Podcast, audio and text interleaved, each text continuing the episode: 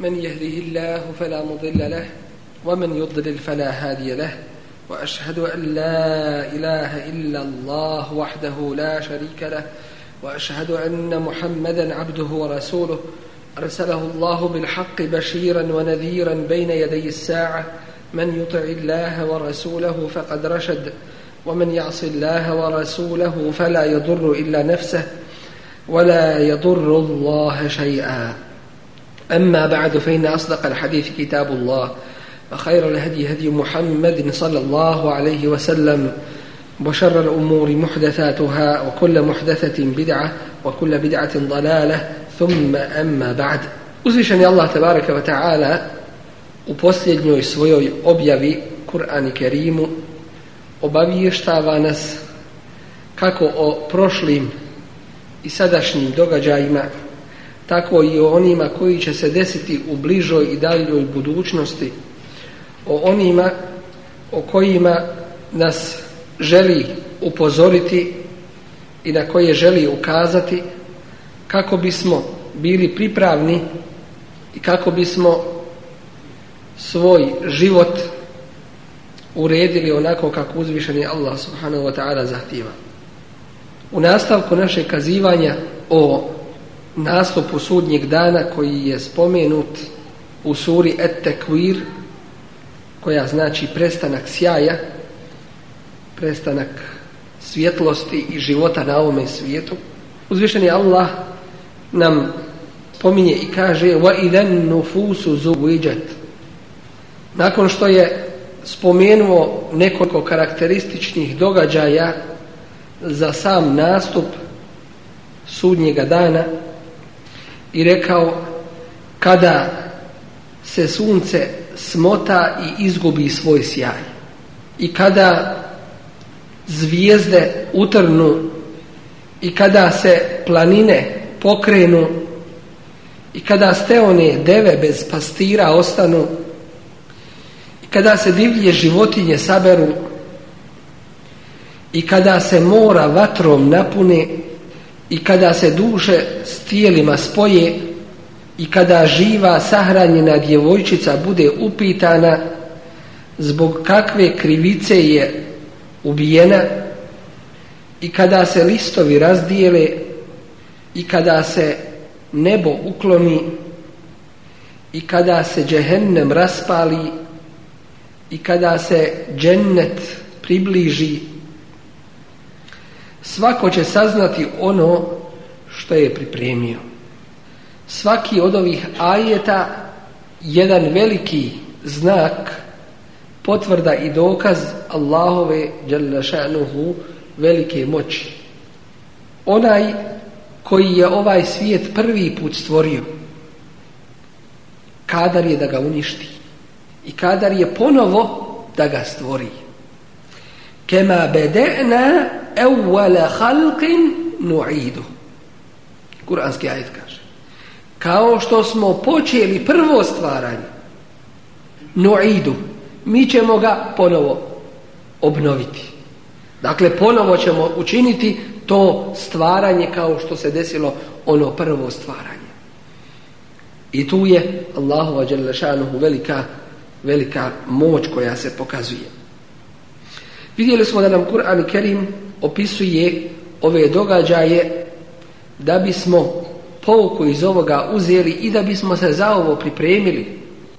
Jer ovaj događaj je težak nebesima i zemlji.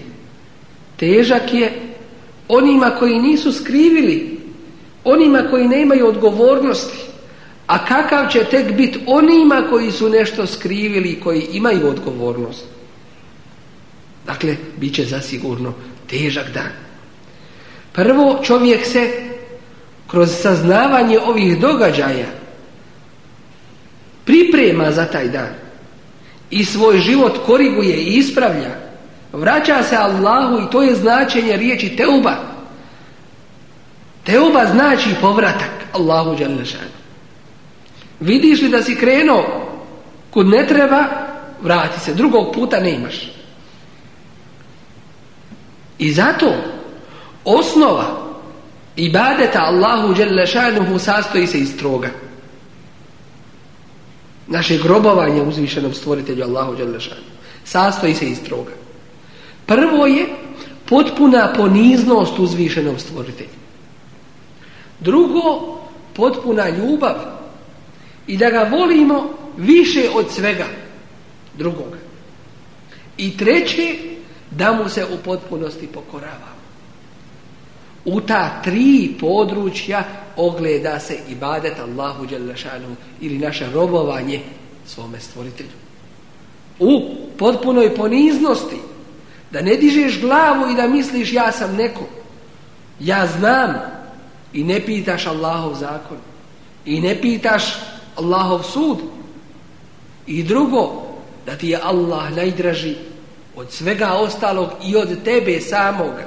I zato nikoga ne pretpostavljaš uzvišenom Allahu i njegovom zakonu. Čak ni sebe, ni svoje strasti. I treće, u potpunosti mu se pokoravaš. U tome se svemu ogleda i badet Allahu Đalešanu. To je jedna korist saznavanja ovih događaja da se pripremimo za njih. Da se očistimo jer uzvišeni Allah kaže kad efleha men zeka uspio je šta znači uspjeti znači dobiti ono što želiš i sačuvati se onoga čega se bojiš to jeste džennet biće spašan felah znači spas a šta znači spas trebamo tumačiti naš jezik trebamo nekada. Spas znači kada je čovjek u kakvoj opasnosti. Pa da nađe neki izlaz. To znači spasio se. Znači da je bio u opasnosti. Sama ta riječ ukazuje da je neka opasnost postojala. A kako i ne bi postojala i kako nije opasnost. Kad uzvišeni Allah kaže فَمَنْ زُحْزِهَا عَنِ النَّارِ وَأُدْخِلَ الْجَنَّةَ فَكَفْرَ Ko bude udaljen od džehennema i uveden u džennet takav je uspio. Taj je postigao svoj cilj. Kada je pred tobom džehennem neuzubila, a uzvišen je Allah tabaraka wa ta'ala, toga dana će se tako rasrditi da se nikada prije, niti će ikada poslije se rasrditi tom srdnjom i da se to nikada prije niti poslije nije desilo niti će se desiti. Takva ljutnja i sržba uzvišenog Allaha te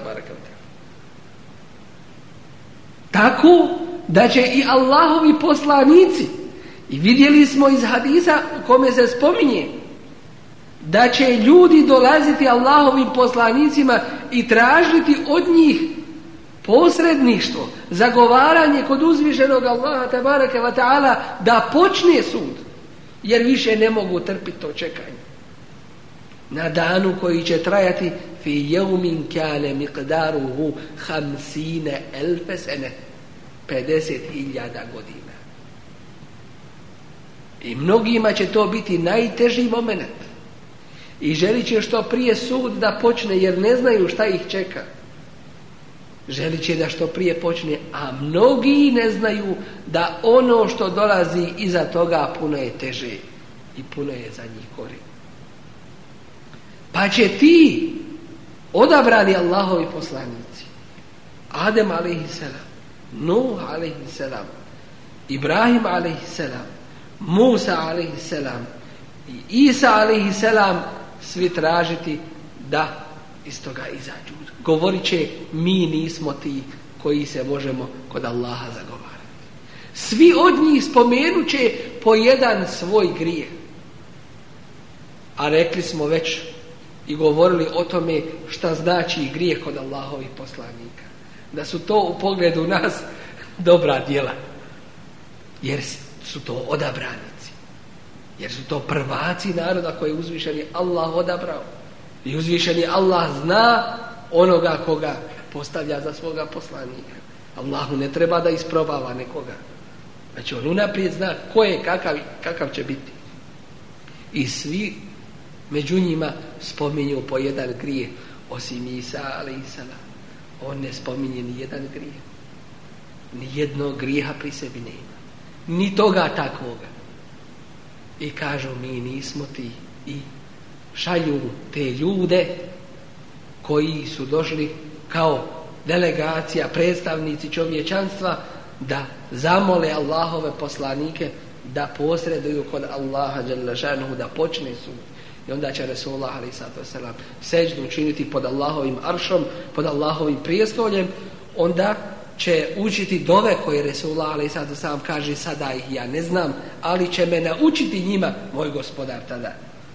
I onda će biti rečeno, o Muhammede, digni glavu i traži šefaat za govorništvo i bit će ti udovoljeno i traži šta želiš da će ti se i to će biti veliki šefaat koji ćemo mu uzvišeni Allah ta'ala dati i to je onaj položaj pohvaljeni el maqamul mahmud koji se spominje u dovi nakon proučenog ezana Dakle, tada će se Allahovi poslanici o sebi zabaviti. Na tom je danu svaki od Allahovih poslanika će govoriti nefsi, nefsi. Ja sam Allahu mene spazi. Toga dana Isebnu Merjem zaboravit će na svoju majku. Samo će Resulullah a.s. dovučiniti. Za mu'mine, za vjernike. Dakle, ovi nam događaji ukazuju na put i pravac u našem životu, da se ne zanosimo, da mislimo živjet ćemo sto godina, pa i da živimo sto godina, šta će opet biti? Opet valja pod zemlju. I došlo je takvo vrijeme danas da čovjek nekada poželi da je među onima koji su preselili. Došlo je tako vrijeme da čovjek poželi da umre smrću kao mu'min, da ne bude iskušan i da ne bude stavljen na neko iskušenje i fitnu koju neće moći izdržati. Dakle, ovo nam sve ukazuje na to kuda treba da idemo i da se ne zanosimo ovim dunjalukom i da nam je cilj Allahovo zadovoljstvo. I drugo, vrlo važno isto tako. Što je jačanje mu'mina u stvari, a to je da svi ovi musibeti koji nas zadešavaju na Allahovom dželrašanu u putu, da oni nisu ništa prema onome najvećem musibetu koji je pred nama svima. A to je sudnji dan.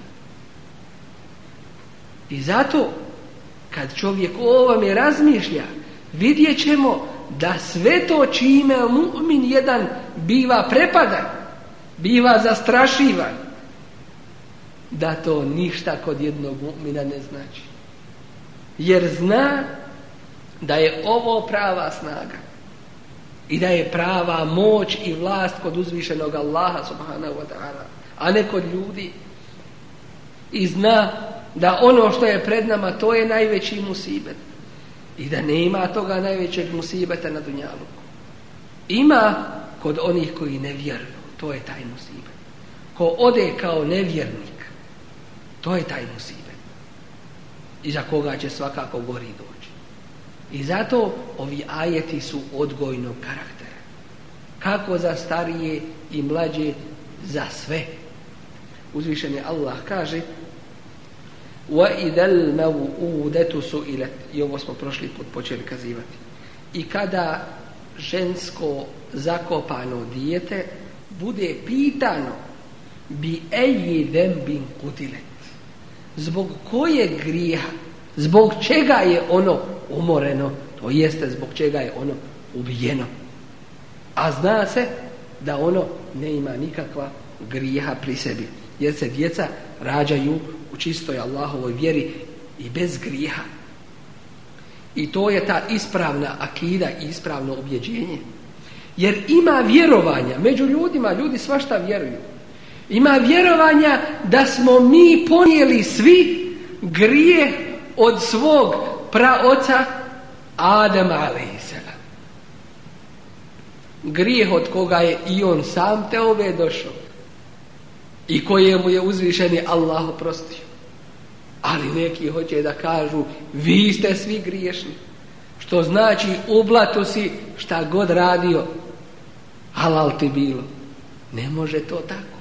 وَلَا teziru uhra Wallahi slagali su i na Ibrahima ali i selam kome su suvi došli i na Musa i na sve Allahove poslanike. Jer je u njihovim suhufima pisalo wala teziru waziratun wizra uhra Da niko neće tuđi teret ponijeti. Pa odakle im to osim od prokletog šeitana? Da neko tuđi grijeh nosi toga u Allaha ne ima. Jer je on erhamur rahimin, najmilostiviji, jer je on ahkemul hakimin. Taj koji je šta? najpravedniji. I zato prava, istinska pravda može biti samo u islamu. Jer onaj ko u svojoj ideologiji, u svom ubjeđenju nosi takvu jednu akidu da ste svi griježnici kao ljudi samim tim što ste došli na dunjalu, gdje to ima osnovi? Kad su nepravedni prema Allahovom zakonu i Allahovoj objavi, hoćete da budu vama pravedni. Samo se zavaravam. Ne imaju grijeha. I rađaju se bez grijeha. I to je u prijašnjim još objavama rečeno. Bi eji dembin, zbog kakvog grija kuti let je bila ubijena. Ovdje se ne spominje koju je ubio. A Allah najbolje zna zbog čega. Jer ovdje vidimo da je spomenuto u pasiv, Spominje se zbog kakvog griha je, ne kaže se ubio je neko, nego je ubijena, kutilet. Na nad njom to ubijstvo izvršeno. Zato što je to zato što je to sramota velika. I zato što se tu srce cijepa. Kad se zna koju je ubio i kojih je ubijao to su bili njihovi očevi. To su bili njihovi očevi koji su ih ubijali. Oni su to sobom izvršali. A one nisu imale pri sebi nikakvog grija. Spominje se od Abdurrezaka, od Omer ibn al-Hattaba radijallahu anhu u vezi značenja ovoga ajeta da je Qajs ibn Asim došao Allahovom poslaniku sallallahu alaihi ve sellem i rekao mu Allahov poslaniće u džahilijetu a šta je džahilijet? uzeto od riječi džahl neznanje i ne ima vallahi za čovjeka ničega gorega od neznanja od džehla dao ti Allah pamet ali je ne imaš onda se nije čuditi šta radi onda nije ni na nivou životinje Džahilijet je potom je dobio naziv. Zbog džehla, zbog neznanja. A kod nas u islamu su dva osnovna principa. Prvo je znanje, a drugo je rad, potom je znanje. Ne može se ni bez jednog, ni bez drugog. Ne može jedno bez drugog. Moraju oba dva biti. I zato je to bio džahilijet. Kažu paganstvo. A na čemu se osniva to paganstvo? Nit se zasniva na vahju, Allahovoj objavi, nit se zasniva na razumu. U Meki govorio وَإِذَا قِيلَ لَهُمُ تَبِعُوا مَا اللَّهُ I kada im se kaže slijedite ono što je Allah mi ćemo, kažu, slijediti samo ono na čemu smo našli naše pretke. Slijedjenje običaja, svoje tradicije priješnje le la yaqiluna wa la yahtadun. Zar i tada, evo tu su ta dva osnova spomenuta, zar i tada ako su nja, njihovi preci la yaqiluna ja Prvo nisu imali pameti nikakve, la yahtadun, niti su bili upućeni pravim putem. Dakle, su imali pameti da shvate njome, su imali upute od Allaha, vahja, pa da im to bude osnova. Ni jedno, ni drugo. I zato su se takvi džahilijeti mogli naći među ljudima. Kaže Omer ibn al-Khattab radijallahu anhu da je došao ovaj ashab Qais ibn Asim Allahovom poslaniku wasalam, i rekao u džahilijetu, u tome je paganstvu sahranio sam sobom osam živih djevojčica. Džahilijet, ništa se nemojte čuditi. Džahilijet, šta god kažeš. Čovjek na sebe ruku da digne, ništa se nije čudi. Ne ima pamet, gotovo. Jer šta znači pamet u arapskom jeziku? Šta znači akl? Uzeto od glagola akale. A akale znači zavezat nešto. Kaže se akal tu dabe. Ja sam svoju jahaču životinju uzeo i zavezao da mi ne ode. Od toga se zove ono, ako ste vidjeli Arapi što meću na glavu, onaj krug crni, iqal, i tako dalje. Od toga se uzda isto tako zovu. Što znači, akl je ono što te ograničava da ne radiš ono što nije pametno. Od toga je uzeta riječ akl. Dakle, ograničava te da ne radiš gluposti, da ne radiš ono što ti kao čovjeku ne dolikuje. To znači akl, to znači pamet. Kome se to pomuti, ko to izgubi, onda od njega svašta očekuje. Pa kaže, ali džahilijet je džahilijet. Bilo je to i prošlo. Sada je prihvatio islam, jer islam briše ono što je bilo prije njega. U džahilijetu kaže, sahranio sam sobom osam živih djevojčica. A poslanik mu, ali i sad vam reče, oslobodi za svaku po jednog groba. Za svaku od tih djevojčica svojih koje se sahranio po jednog groba oslobodi. A on reče Allahu poslaniće ja imam deva, e, vlasnik sam deva, pa mu onda Allahov Resul ali sam sam kaže onda ako hoćeš za svaku od njih pokloni po jednu devu. Dakle, da ti to bude iskupom za ono što si učinio u svome, u svome džahilijetu. Ovdje se u hadisu spominje ako hoćeš.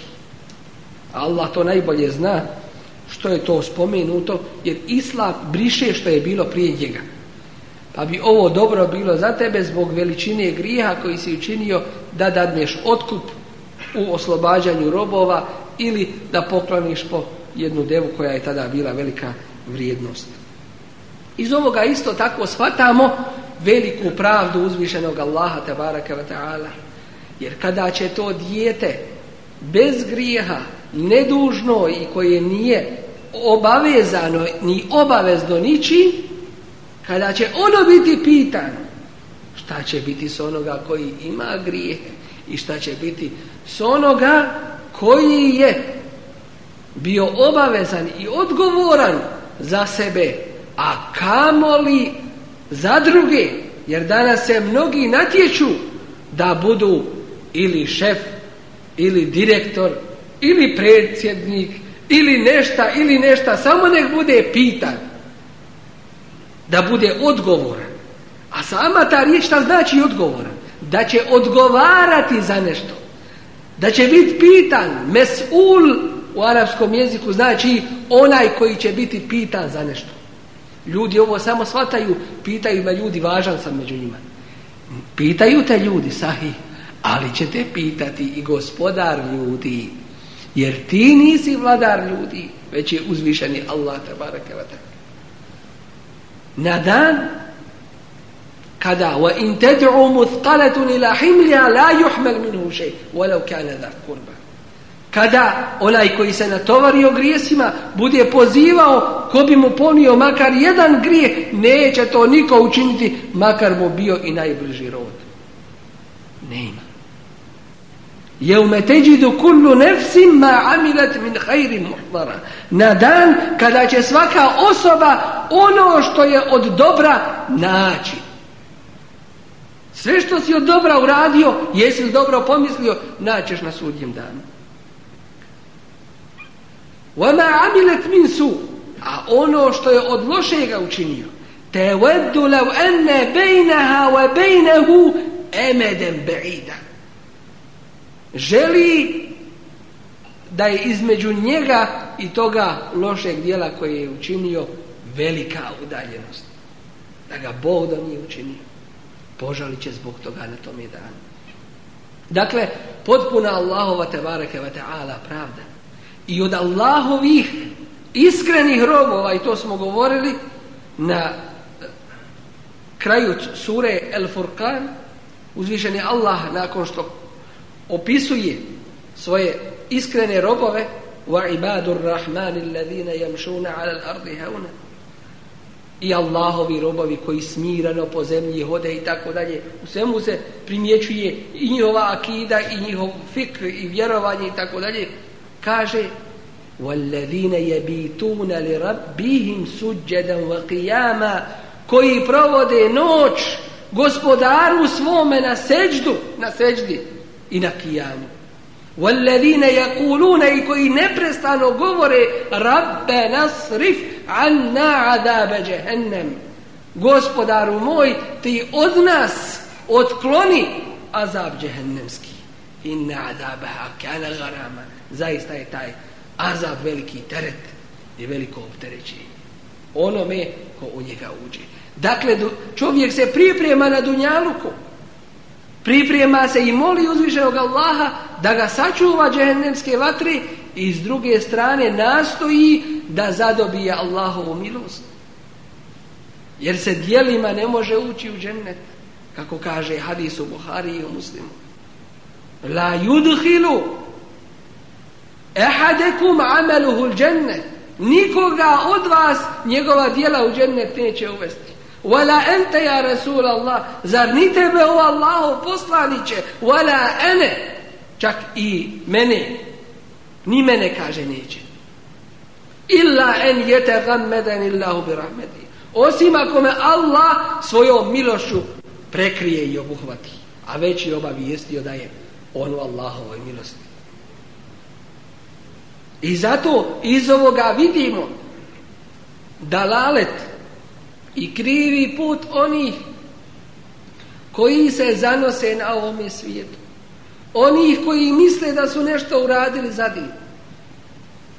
Kao da su prešli sira čupriju i gotovo prestali više imati ikakvu obavezu i odgovornost. Koliki je to musibet. A pogledajmo kako su prve te najbolje generacije bile. Omer ibnul al-Hattab radijallahu među desetoricom, a imamo više od deset ashaba kojima je džennet obećan. Ali ovo su najpoznatiji među desetoricom koji se u jednom hadisu spominju da su džennetlije. I Omar radijallahu anhu je spomenut nakon Ebu Bekra odmah da je džennetlija. I Resulullah a.s. ga obavijestio da će biti šehid.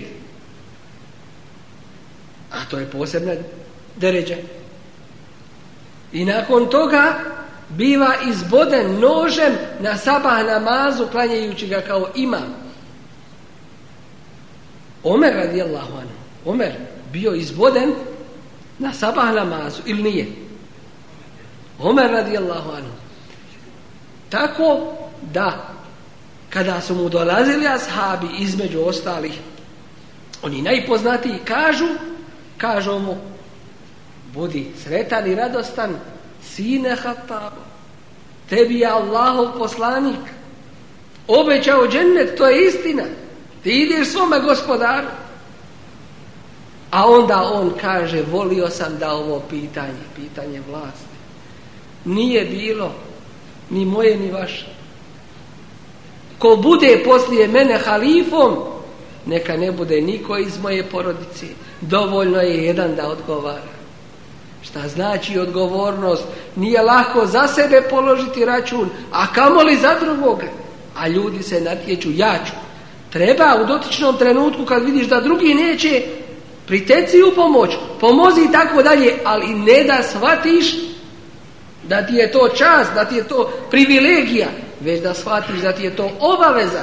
Kao što je Jusuf, ali i selam, u dotičnom trenutku rekao onome kralju ja sam povjerljiv.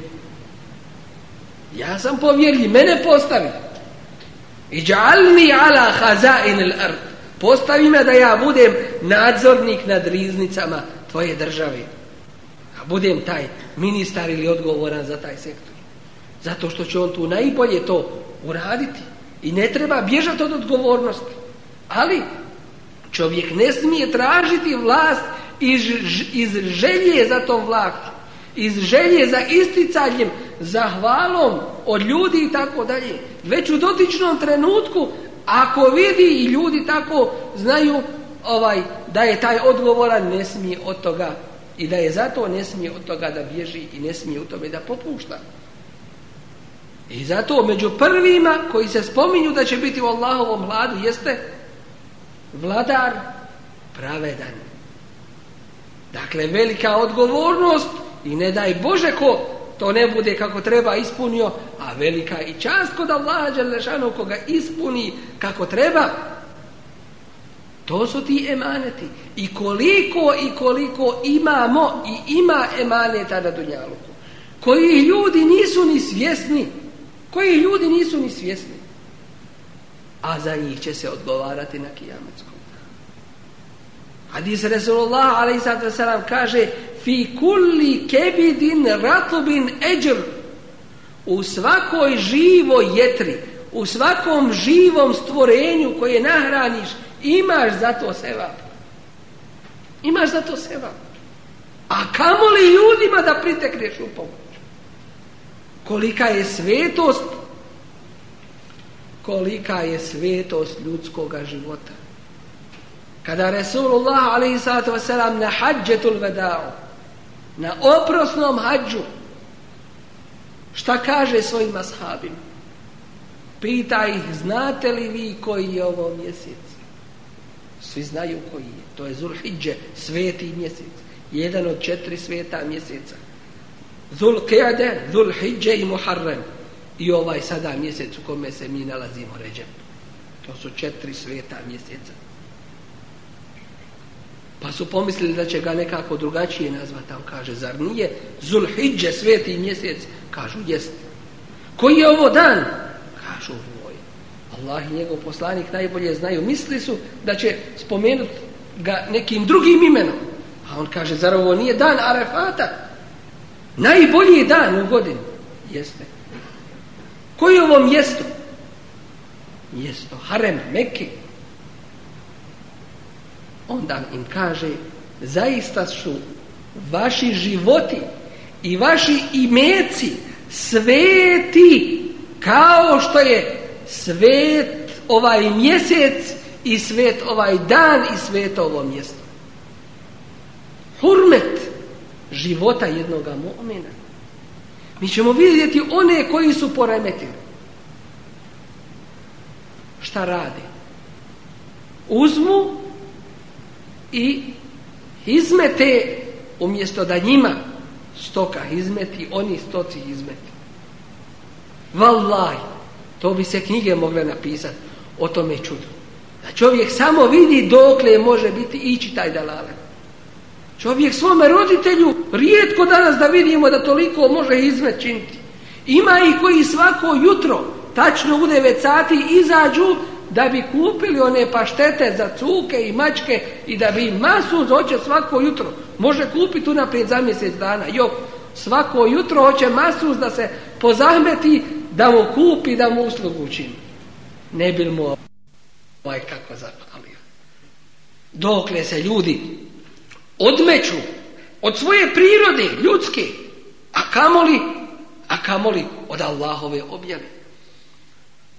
Vidimo vamo izmece, se čini istoci, a tamo mogu se muslimani i ne samo mogu, nego trebaju i moraju muslimani uništiti i genocid nad njima izvršiti.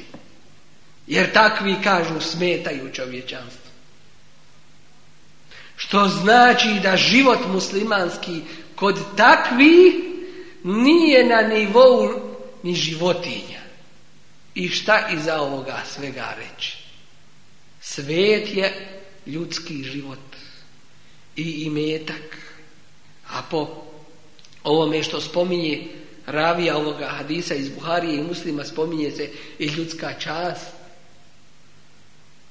Kada je to bilo da se cio narod zbog ovoga i onoga optužuje?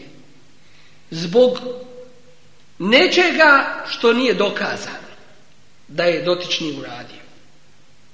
Ali ima nešto što se zove dežurni krivac. U onome kazivanju, u onim bajkama za djecu. Pa kažu, janje došlo i pije vodu ispod vuka ili na rijeci ispod vuka. A ovaj kaže, ja ću te pojesti. Pa kaže, nisam ti ništa naudio. Kaže, jesu tvoji, pređi. Dakle, traži se neki, traži se neki razlog, bez obzira što on nije nikakav razlog. I danas, što je najgore, po tome je što su muslimani zapustili ovaj najveći emanet. Olahko su i na jednom vidimo kakvome nivou kod Allaha Đalešanu osim pojedinaca i skupina kojima se uzvišeni Allah tabaraka wa ta'ala smilovao. Inače ovo nije ovako zapamćeno. Na ovaj način i ovoliko i ovako da se radi. Zbog čega? Kad je Allahova vjera kod nas ni podašto ili kod mnogih ni podašto, onda smo i mi kod Allaha Jer kazna dolazi od iste vrste prijestupa. I zato uzvišeni Allah kaže وَلَا تَتَّخِذُوا آيَاتِ اللَّهِ هُزُوَا Allahove ajete ne uzimajte za igru. Nemojte olahko to držati. To je jedna svetost, je Allahov govor. A koliko i koliko imamo među muslimanima oni koji nikad nisu otvorili Kur'an. Koji ne znaju ništa piše unutra. nit hoće da znaju a pripisuju se islamu i Muslimani. Koliko je takvih? I to je taj uzrok. Nije nam niko drugi kriv. Jer smo uvijek znali da, da ih ima i, i tekako ih ima koji nas ne mogu. Ali nisu uvijek mogli raditi ovo što danas rade. Zato što je bilo čvrstih mu'mina. Zato što je bilo omera. Zato što je bilo Salahuddine Jubija i ostali kojima je Allahova riječ i praksa Allahovog poslanika ali i bila iznad svega svijeta ostalog ali mi danas imamo među ljudima ko radi po Kur'anu i po sunnetu muslimani mu se ismijavaju muslimani ga odbacuju muslimani protiv njega rade pa kada su ovi vidjeli šta jedni od drugih radimo, onda su se okuražili i dobili snagi i izgubili onaj strah iz svoga srca i onda rekli, pa onda mi, ovo nam je historijska prilika, Bog znao će nam se ikad lako više pružiti. Pa hajmo za sljedećih stotinu godina da odradimo svoj posao. Bez obzira koliko će nas koštati. Ko je otvorio vrata te tvrđave? Ko je dozvolio da se može ući i u taj hurmet i u tu svetost dirati? Zapitajmo se svi. Jesmo li mi nekim svojim postupkom ili svojim gafletom i nemarom toga doradili? Jesmo li mogli biti aktivniji? Možemo li biti? Jesmo li mogli biti ponosniji ovom vjerom i šta treba dalje da uradimo? Jer je Najvažnije je kako će Allah prema nama se postaviti. I kakvi ćemo mi biti kod uzvišenog Allaha. Ljudi se danas boje, u strahu nekom žive. Da je to strah ili bojazan zbog naše braće u Čečeniji što ih pobiše. Da je to strah zbog muslimana u Indoneziji muslimana u Kašmiru, muslimana u Palestini, u Bosni, na Kosovu i, nabrajaj koliko hoćeš.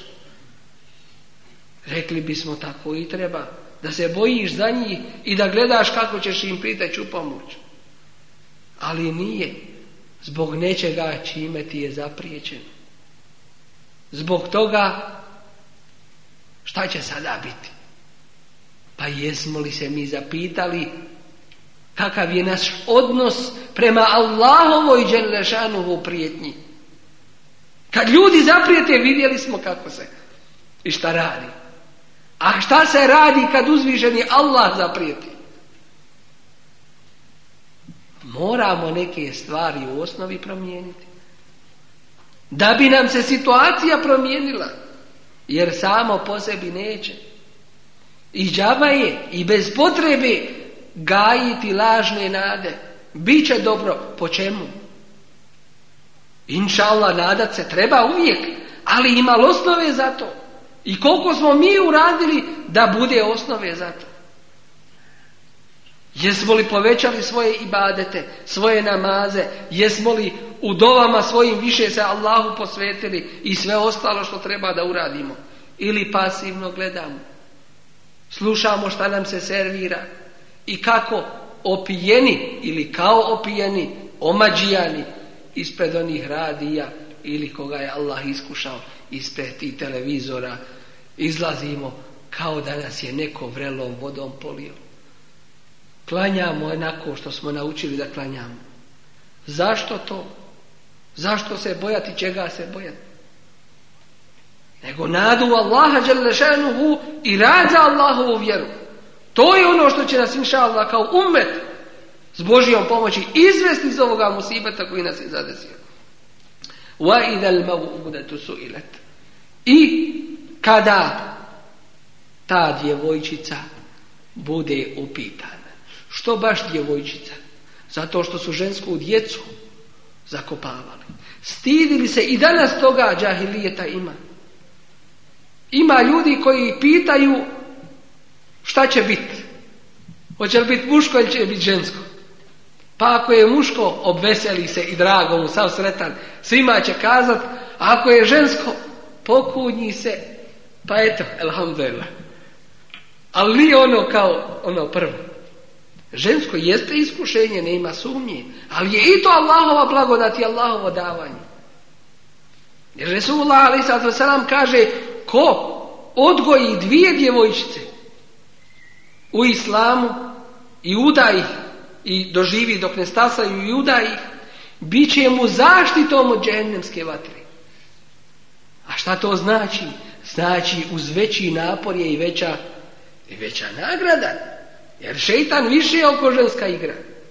I pokušava i preko njenih strasti, preko lažnih obećanja, osobito ako smo mi, ako nismo dovoljno pazili, pa su vukovi ušli preko granice i uradili svoj negativan posao. Dakle, stidili su se prije ženskinje. A koje to ženskinje? To su majke buduće. To su sestre. To su žene. To su one bez kojih Dunjaluk ne može. To je ono što čovjeku pruža i majčinstvo i potrebe žene i djece i svega ostaloga. Čovjek kako bi radio na poslu? Radi po vas dođe kući. Valah, ako zatekne ženu kako treba i da je obavila emanete koje je Allah povjerio i na baze klanjala na svoje vrijeme i djecu poučila i pokući kako treba i vesela te dočekala kad je pogledaš razveseliš se sav onaj umor kao da ga i ne ima a Boga mi da si ustao izutra, odmoran, a kad pogledaš ono sve kako ne treba, gotov si, odmah lezi ponovo. To ti je tako, šta znači žena kako treba? Pa majka koja odgaja tu, tu djecu. I sve to tako. Zar se to može zanemariti? I uloga žene u društvu. Samo što su mnogi uzeli i iskoristili ženu negativno, što su je pustili ulici, da vukovi razdiru njihovo meso i da truju našu djecu. Wallahi, pitanje je veliko. Veliko je pitanje naše odgovornosti prema našoj djeci i našem dinu, boravka u mjestima gdje na svakom koraku vidiš harame. je veliko pitanje. U najmanju ruku jesmo se zapitali šta će biti sa nas. I sa naše djeci. Jer ne može biti da živiš tu, a da nešto pri tebi ne ostane. su ilet I to dijete kad bude pitano. I onom prvom i u ovom drugom džahilijetu. Pitajte ljekare šta se radi. U javnim i tajnim, kako ih zovu moderno, abortusima. Da Allah, faqadarna, uzvišeni Allah kaže, i mi smo moćni, fe ni'mal qadirun, i divan li je taj koji je tako moćan. I krv, i meso, i kosti, sve to formirano. Kida se je Allah nam spominje svoju blagodat i kaže Elem nahlukum mim ma'im mehin Zar vas nismo od neznatne količine te kućine stvorili? Feđa'alnahu fi mekin Pa smo je učinili u bezbjedno mjesto sigurno mjesto Ila kaderim ma'lum do određenog roka dok ne treba to dijete da izađe, dok ne dođe rok rađanja toga djeteta. kaderna uzvišeni Allah kaže, i mi smo moćni, fe ni'mal kadirun, i divan li je taj koji je tako moćan. Elem arda kifata, zar nismo zemlju učinili dovoljno, dostatnom svima. Ahja'en wa emuata I živima i mrtvima. Mufesiri kažu, površina zemlje je za žive, a njena utroba za mrtve.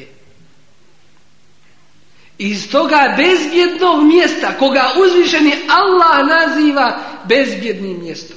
Možemo li zamisliti tek kakav je taj silnik i kako će taj i kako će taj odgovarati i hoće li moći odgovor koji naruši tu bezbjednost u majčinoj utrobi to dijete koje ne ima ni snage ni kakve moći uzvišen je Allah mu garantovao imaš snagu i moć ja te štitim ali ovaj hoće to da poremeti Kakva će to biti odgovornost?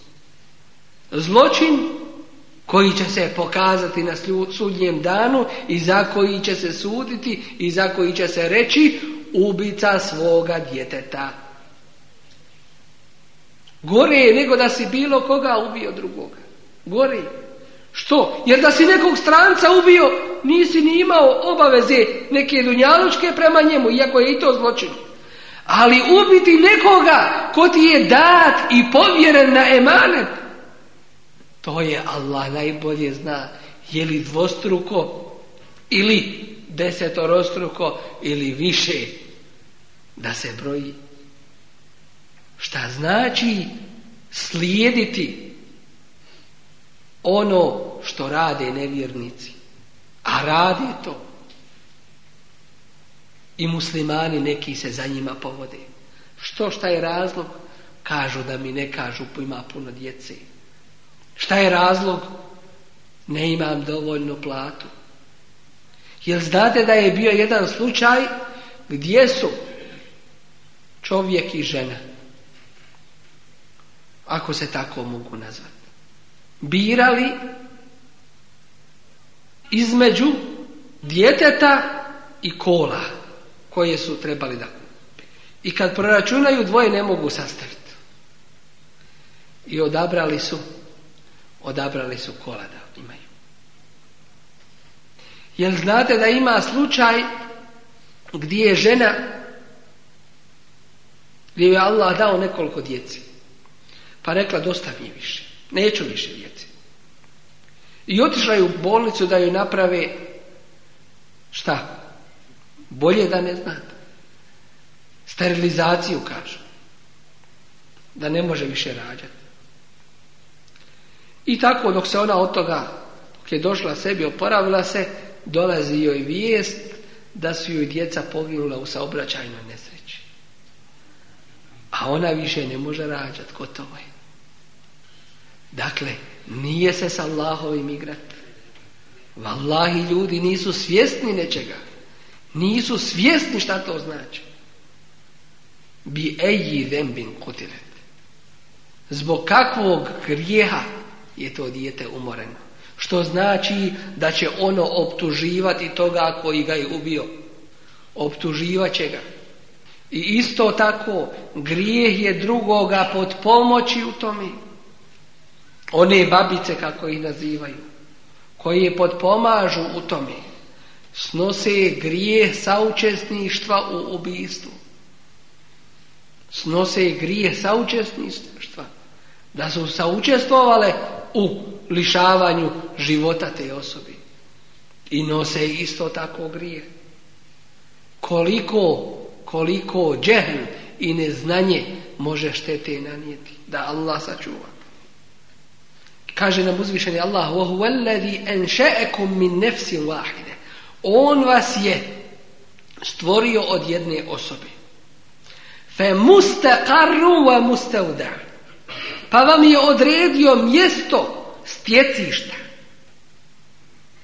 Bezbjedno mjesto. To je u majčinim utrobama.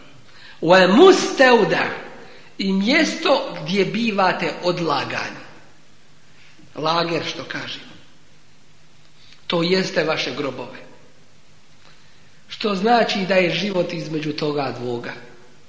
Između toga bezbjednog mjesta u majčinim utrobama i između toga vremena kada će biti u svoj grob postavljen i tu ostavljen. A zar tu nije velika sličnost? S tom razlikom što u grobu će mu biti onako kako je živio na Dunjalu. Ili će mu se pokazati džennet, ili će mu se pokazati džennet. Doći im toga u majčinoj utrobi ne ima. jedno i drugo je od Allaha već određeno. Dakle, iz ovoga je zaključak, kada će biti ti koji ne imaju griha, pitani šta će biti s onih drugih koji imaju grije. I uzvišeni Allah kaže, li jes'ele sadikine al sidqihim da pita iskrene o njihovoj iskrenosti. A šta će biti s onih drugih?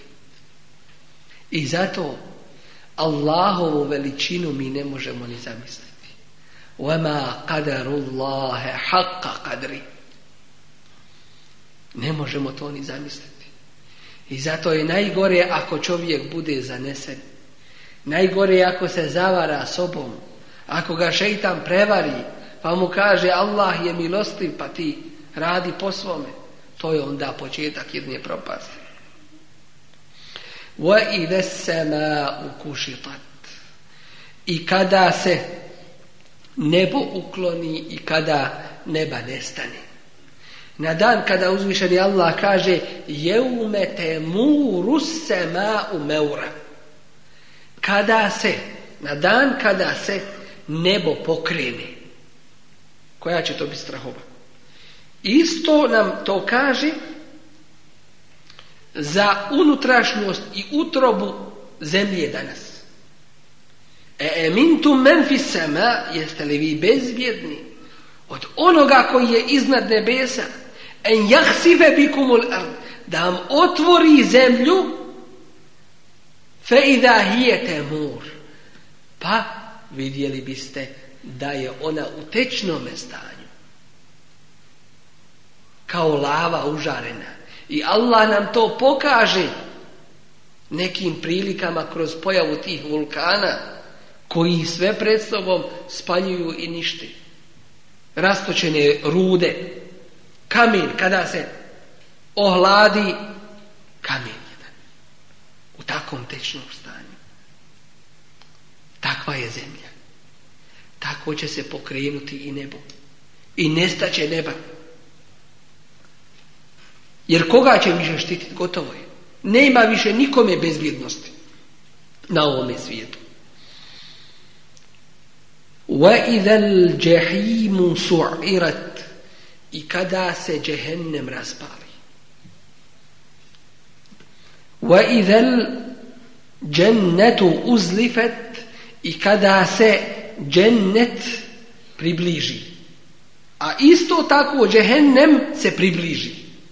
Jer nam Resulullah sallallahu alaihi u svome hadisu koga spominje Allahu poslanik alaihi i kaže u muslimovoj predaji od Ibn Mesuda radijallahu anhu džehennem će toga dana biti primaknut a imat će 70.000 povodaca onoga čime će biti približeni džehennemlijan.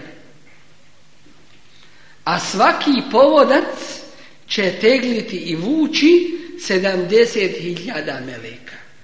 Koja je to težina džehennema? Kako je to? Šta je to? Allah najbolje zna. Koja je to silina koja će tom prilikom se pokazati džehennemlijama? je Allah nam to opisuje u jednoj drugoj suri, u suri i mulk i Kaže nam وَلِلَّذِينَ كَفَرُوا بِرَبِّهِمْ عَذَابُ جَهَنَّمْ A onima koji su nijekali svoga gospodara pripada džehennemska patnja. وَبِئْسَ masir A loše li je to boravište? I da ulku fiha kada budu u njega bačeni semi'u leha šehiqan hučanje njegovo će čuti fe idha hije fe idha hije tefur i on će to jeste džehennem će. te kadu te medjezu minel gajv umalo da se od žestine raspadne Kullama ulqije fiha feuđun sa'alahum khazanatuha elem ya'tikum nedir. Kada god se koja gomila u njega baci, stražari u njemu će upitati zar nije niko došao da vas opomeni? Kalu bela oni će odgovarati, istina je to. Kad ja'ana nevirun fakadzabna. Došao nam je onaj ko nas je opominjao. Ali mi smo to nijekali, mi smo to poricali. Va kulna Allahu min I rekli smo Allah nije ništa to objavio, ne vjerujemo mi u to. In antum illa fi dalalin kebir Vi ste u jednoj velikoj zabludi. Gdje ćeš nam na ovome svijetu o tome govoriti? O džehennemu, o proživljenju, ko je to vidio, ko je to dokazao, ko je to potvrdio? Mene interesuje berza danas, koliko je zlato skočilo, koliko su otišle dionice, akcije, živi kao čovjek normalan, tako govori.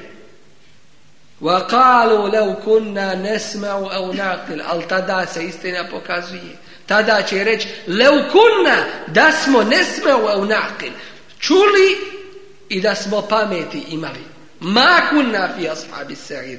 Ne bismo bili u džehennemskoj družini. Allah ih sastavio jedne sa drugima. Fa'tarafu bi dembihim i priznaše svoj grijeh. suhkan li ashabi sa'ir. I neka su prokleti i daleko od Allahove milosti Ko? Ashabu sa'ir. Društvo užarenog ognja. U suri Ešuara kaže nam uzvišeni Allah Đelešanu džennetu lil لِلْمُتَّقِينَ I približit će se džennet bogobojaznima. Nema za njih straha. La haufun alejhim, wa lahum jahzenun. Ne ima straha niti brige i tuge. Ne ima straha za onim što je ili pred onim što je pred njima, niti ima tuge i zabrinutošću za onim što je iza njih. Približi im se džennet, pa će ga ugledati. Nurun jete lele. To je svjetlost blistava, svjetlucava. Ma la aynun ra'at, wa la ala bali bashar Što oko vidjelo nije, niti je uho te ljepote čulo, niti to može pomisliti ljudsko srce. Koja je ljepota? Tada će još više poželjeti na onu svoju želju koju su Allahu Đalešanovu upućivali, da im podari džennet, još će više poželjeti da uđu u njega, jer znaju da je to ljepota neprestana i neprekidna. Da onaj ko u njega uđe nikada više iz njega izaći neće i da je to ljepota nezamisliva i da je to iznad svega i bolje od svega. U njemu Allahovo zadovoljstvo za koje uzvišeni kaže وَرِضْوَانٌ مِنَ اللَّهِ s, od svega je veći. Šta? Allahovo zadovoljstvo. To što će Allah tobom vječno biti zadovoljan. To ti je bolje od svih onih uživanja, pored tih uživanja.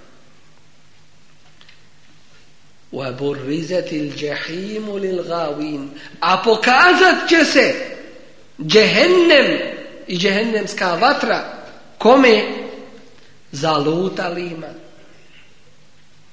Zalutali, šta znači zalutali? Skrenuli sa pravoga puta jer je pravi put ispravan put. Put sredine, kako kažu umjereni put, ali da napomenemo, ovo ne znači umjereni put između istine i neistine. Ovo znači put istine, put Allahovog poslanika Resulullaha Muhammeda sallallahu alaihi ve sellem. Put koji nije put pretjerivanja, to znači uvođenja u vjeru nečega što nije propisano, niti je s druge strane suprotno pretjerivanju put popuštanja i ostavljanja nečega od vjere, nego put ispravan. Ne može ti niko doći, pa kada te vidi da primjenjuješ sunnet i radiš po propisima ove vjere, da kaže nemoj tako. Islam je umjeren, Islam je srednji put. Ne uzobila, to znači da je optužio sunnet i Allahovu vjeru i ashabe i Allahovog poslanika prije toga, da nije bio umjeren kad nam je propisao ovo što je propisao. Ne, ne, nije umjerenost između istine i neistine, nego je umjerenost u istini, a neumjerenost ona je ili pretjerivanjem, ubacivanjem nečega što nije, ili ostavljanjem nečega od vjeri.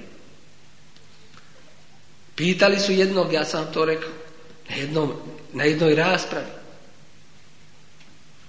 Opitali su jednog predstavnika druge vjere. Šta je to pretjerivanje u vjeri? Valahi ne znaju šta vjeruju. Sramota za njih, ali ne ima. Kad izgubi obraz više ne ima nikakve sramote. Kad može na Allaha lagat da ne laže ljudima, pa ga pitaju Kažu šta je to pretjerivanje u A on kaže šta je da je ne Ne zna ni on sam. Onaj koji uči treba da nauči. Šta će on druge učiti? Džahil on sam. Šta on ima druge da pouči? Pitaju ga šta je to, on kaže šta je da je Pa oni to znaju, reci im šta je pretjerivanje. Ne smije, jer boji se nekome će se zamjeriti. Kalkuliše, politiku vodi sa vjerom. Ne može to tako. Vako je pa kome je pravo, kome je krivo. Šta znači zalutati? Imaš pravac jedan, imaš pravi put, ideš njime. Taj put je zacrtan ovim šarijatom i on te vodi u džennet. Kreneš na drugu stranu, skrenuo si, zaluto si već. I zato oni koji su zalutali, otišli su u džehennem. Kao što kaže hadis Resula ali sad za selam, na svakom tome putu sa strane stoji po i poziva u njega. Onoga u zinaluk, nemoral, onoga u piće, onoga u kamate i prevare, onoga u, u ovo, u ono, ti harama, koliko god hoćeš, sve novi i novi izlaze i izmišljaju se. Svi ti putevi sa strane, to su stramputice, na kojima stoji po šeitan i poziva u džennemsku vatru. Samo je jedan pravi put koji te vodi do dženneta. I zato se zove pravi, ispravan put. Siratum mustakim, na kome nema vrdanja, nema skretanja. Malo ću ovako pa ću ovo pa ću, ne može to. Ovako je pravo i kome je pravo, kome je krivo. Ali ovo je ispravno. وَبُرِّزَتِ الْجَحِيمُ I bude džehennem pokazan onim zalutalima. Otišli na drugu stranu. Ovdje džennet on na drugu stranu. وَقِيلَ لَهُمْ I kada im bude rečeno ma kuntum ta'budun min dunillah. Gdje su oni koje ste vi obožavali? Šta znači obožavali i šta znači robovali? koji upamtio? Koji ste se bojali? Gdje su oni koje ste iznad svega voljeli? I gdje su oni koje ste... Šta? mimo svega ostalog slijedili, u tome se pokazuje obožavanje. Robovajte nekome. Koga ste se bojali, kome ste se ponižavali? Pred kim ste ponizni bili, ili pred ljudima ili pred stvoriteljem ljudi? Koga ste najviše voljeli i koga ste neprikosnoveno slijedili? U tome se i bade to gleda. Min mimo Allah. Helijan surunekum, mogu li vam oni pomoći? Eu run, a mogu li oni i sami sebi pomoći? fiha hum Pa će jedni na druge biti u džehennem bačeni, prevrćući se. I oni i oni koje su oni slijedili. وَجُنُودُ iblisa أَجْمَعُونَ I sve vojske šeitanove. Sve će u džehennem ući do zadnjega. Komu je služio i ko je na tome putu radio. قَالُوا lahum fija يَحْتَسِمُونَ Govorit će svađajući se međusobno u džehennemu. تَلَّهِ a to je zakletva, kao i al kao i billahi. Isto je i tellahi zaklinjaće se i govoriti tellahi in kunna le fi mubin. Mi smo sigurno bili na krivome putu. Dobar zaključak. Pametni ste. Samo što vam ništa to ne koristi i ne vrijedi. Iznu se u bi rabbil alemin. Kada smo vas izjednačavali sa gospodarom svih svjetova. وَمَا أَضَلَّنَا إِلَّا A niko nas drugi nije odveo na stramputicu, na krivi put, osim oni najgoriji zlikovci, ali oni su u vašim očima dojuče bili najbolji. Fema lena min i mi sada ne imamo zagovornika. Wala sadiqin hamim niti prisnoga prijatelja jer je prijatelj u nevolji. Gdje su oni koji su vam dojuče pljeskali i vama pljeskali i po ramenima vas pljeskali? Gdje su oni koji su vas podržavali? Znate onu priču o vladaru i magarcu. Jeste li zaboravili? Ne treba spominjati posebno. Ili da napomenem, kad je vladaru magarac umro, okupili se žaliti oko njega. Da bi se njemu dodvorili i uvukli. A kad je vladar otišao, nije našao kog će ga ispratiti. To tako biva. Ne imaju kome sada da se zbog njega dodvoravaju. Ne ima tih ni prisnih prijatelja. Felev enne lana kerraten fanekune minel Da nam je samo da se povratimo pa da budemo od, da postanemo iskreni vjernici. Inne fi dhalika la aje, zaista je u tome veliki ajet i pouka, wa ma kana aktharuhum mu'minin, a većina njih nisu vjernici. Wa inna rabbaka lahuval azizur rahim, a zaista je tvoj gospodar silan i milostiv.